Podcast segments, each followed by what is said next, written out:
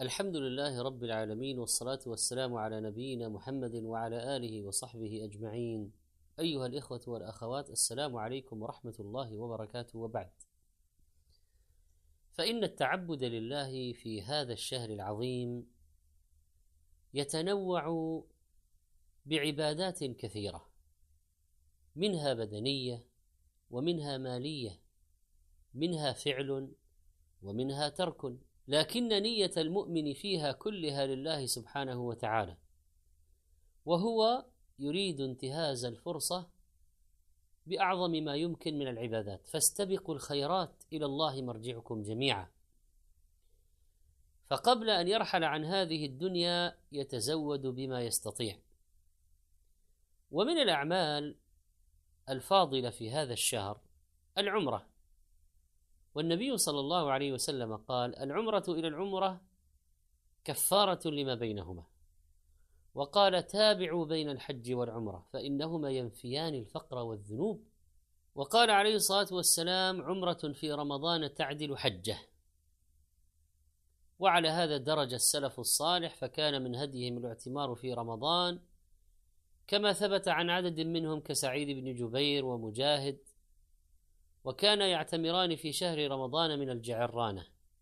وينبغي لمن يسافر للعمرة أن يحرص أولا على إخلاص النية لله عز وجل فهو سينفق ويبذل جهدا فليكن لوجه الله.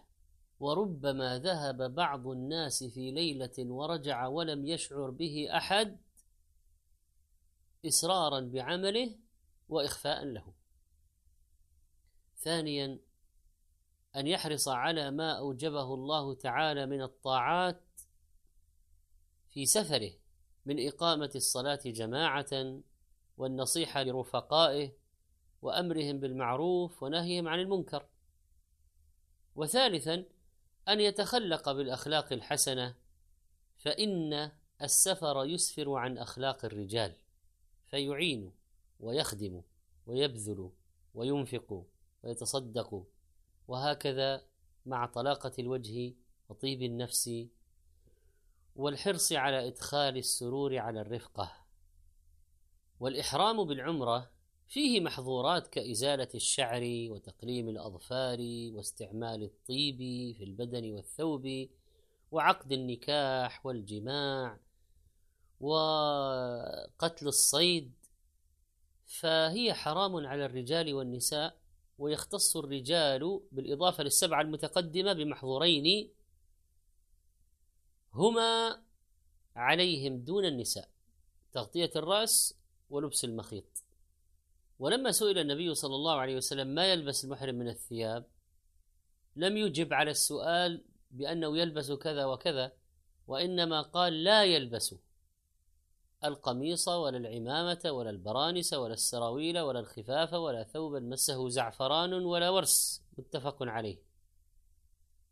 ولا بأس أن يلف القميص على جسمه دون أن يلبسه وكذلك العباءة لا يلبسها ويلتحف بها.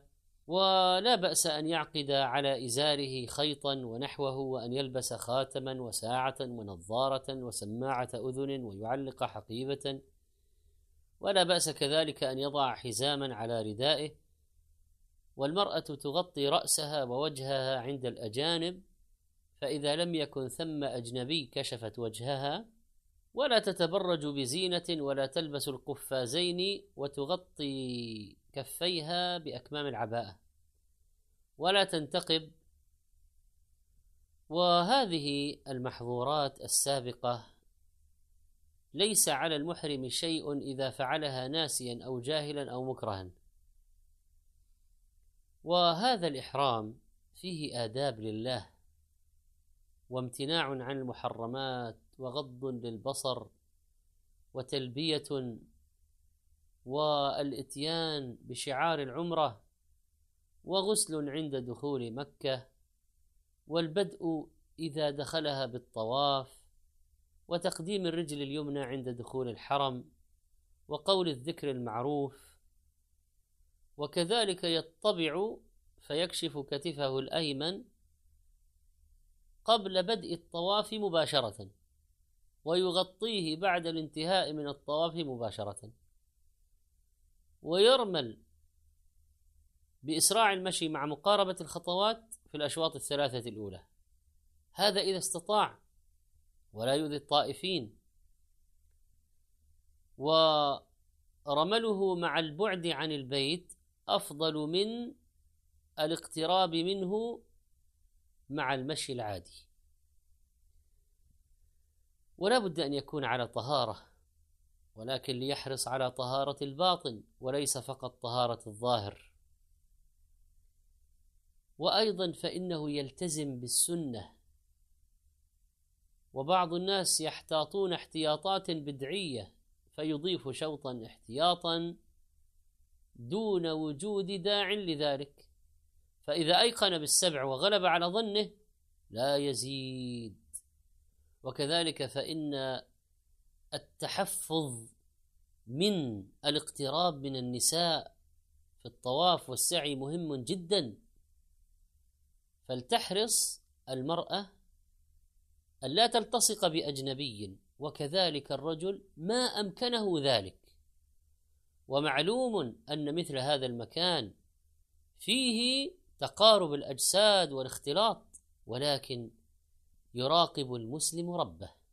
وإذا كانت أركان العمرة بالإحرام والطواف والسعي وواجباتها بأن يكون الإحرام من الميقات والحلق والتقصير بعد نهايتها فإن لها سننا ينبغي المحافظة عليها أيضا. وربما يظن بعض الناس أن العمرة التي في رمضان تسقط فريضة الحج وهذا جهل فاضح. ذكر ابن حجر رحمه الله في شرح قول عليه الصلاة والسلام عمرة في رمضان تعدل حجة. قال في الثواب لا أنها تقوم مقامها في إسقاط الفرض للإجماع على أن الاعتمار لا يجزئ عن حج الفرض. وأيضا فربما يتيسر الإنسان أن يذهب إلى مكة أكثر من مرة فلا بأس أن يعتمر أكثر من مرة. ولكن السنة أن لا يعتمر أكثر من عمرة واحدة في السفرة الواحدة. وبعض الناس يعتقد بأن تخصيص ليلة 27 بعمرة أفضل. قال الشيخ ابن عثيمين رحمه الله لا يستحب أن يقصد العمرة في ليلة السابع والعشرين من رمضان. ومن قصد ذلك فقد أتى بشيء لا دليل عليه. فليلة القدر وإن كان لها خاصية لكنها لا تطلب بأداء العمرة فيها بل بقيامها. لقول النبي صلى الله عليه وسلم من قام ليلة القدر إيمانا واحتسابا غفر له ما تقدم من ذنبه ولم يقل من اعتمر وقال صلى الله عليه وسلم عمرة في رمضان تعدل حجة ولم يقل عمرة في ليلة سبع وعشرين تعدل حجة. انتهى كلامه رحمه الله. فلنحرص على موافقة السنة. السنة كسفينة نوح. نسأل الله سبحانه وتعالى أن يتقبل منا عملنا وأن يجزينا الجزاء الأوفى. نسأله حسن الثواب. إنه هو الكريم الوهاب. وصلى الله وسلم على نبينا محمد.